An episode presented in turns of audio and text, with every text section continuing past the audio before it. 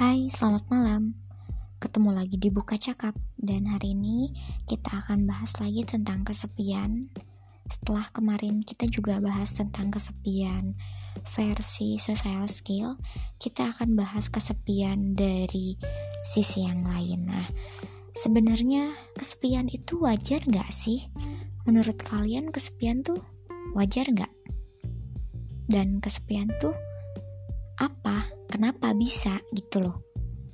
Ya kemarin kita bahas tentang kesepian itu dilihat dari kekurangannya bisa nurunin social skill kalian. Dan kesepian kali ini kita akan bahas dalam perspektif kita sendiri ya. Sebenarnya wajar nggak sih kalau kesepian itu? Ya hmm, mungkin kalau misalkannya kesepian itu bisa menimbulkan stres emang gitu ya. Kemudian akibatnya atau disebabkan karena kurangnya sosialisasi kurangnya sosialisasi yang berkualitas atau bahkan kita ngerasa meskipun kita di dalam uh, lingkungan yang banyak orang, tapi kita tetap ngerasa sendiri. Kenapa bisa kayak begitu? Yaitu tadi, intinya kita butuh sesuatu. Kita butuh manusia untuk berkelompok. Karena kita juga sama manusia, otomatis kita mencari kelompok kita untuk melakukan interaksi agar merasa lebih aman. Jadi sebenarnya kalau kesepian itu ya wajar-wajar aja sih selama itu nggak menyebabkan um, depresi yang berkepanjangan gitu loh. Kalau kesepian berakibat cemas ya wajar juga sih. Cuman di sini hal hal-hal yang perlu kita lakukan supaya kesepian itu tuh gak jadi berkepanjangan. Nah, tandanya tadi interaksi sosial yang kita lakukan itu haruslah berkualitas. Ya, kesepian itu uh, mungkin kemarin-kemarin pas social distancing itu kerasa banget ya karena kita nggak ketemu sama temen yang biasanya cekak cekiki sama-sama ketawa ketiwi. Sekarang ya harus pakai masker jaga jarak. Bahkan waktu beberapa bulan ke belakang kita di rumah aja gitu ya.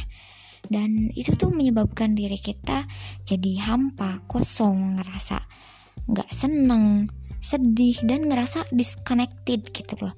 Kurang interaksi sama orang lain. Dan malahanan jadi berdampak juga kepada diri kita. Nah, itu tuh bisa juga kesepian yang kayak gitu bisa mengakibatkan kita gak ada tujuan hidup, kemudian um, hal itu juga bisa berdampak karena kehilangan, eh berakibat karena kehilangan dan Mungkin teman-teman kita mulai menghilang satu persatu karena jarak, karena interaksi komunikasi yang ya kurang gitu. Nah, di sini aku mungkin akan kenalin beberapa cara untuk mengatasi kesepian-kesepian dalam hal ini gitu loh ya. Yang pertama, yang paling utama ini kita kembalikan lagi kepada Tuhan kita. Dan di sini ber, bermakna bahwa religius. Religius ini tidak hanya uh, seputar keagamaan aja tapi lebih kepada mengembalikan uh, fitrah diri kita. Itu bahwa kita itu ada yang menciptakan itu loh ya. Kemudian yang kedua, ingat bahwa kita perlu memahami masalahnya tuh apa sih gitu. Kenapa kita bisa terjadi kesepian kayak gitu tuh? Bisa jadi kita kehilangan orang yang disayang, kita kehilangan cita-cita kita, kita gagal di suatu proses, di suatu tingkatan, dan bisa jadi kita mengalami ujian hidup yang tidak terbayangkan sebelumnya. Itu yang menyebabkannya.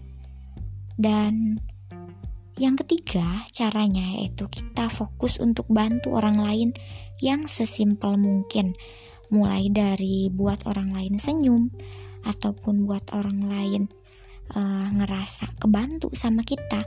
Misalkan kita bawain barangnya. Ya sesimpel-simpel itulah yang pasti kita mulai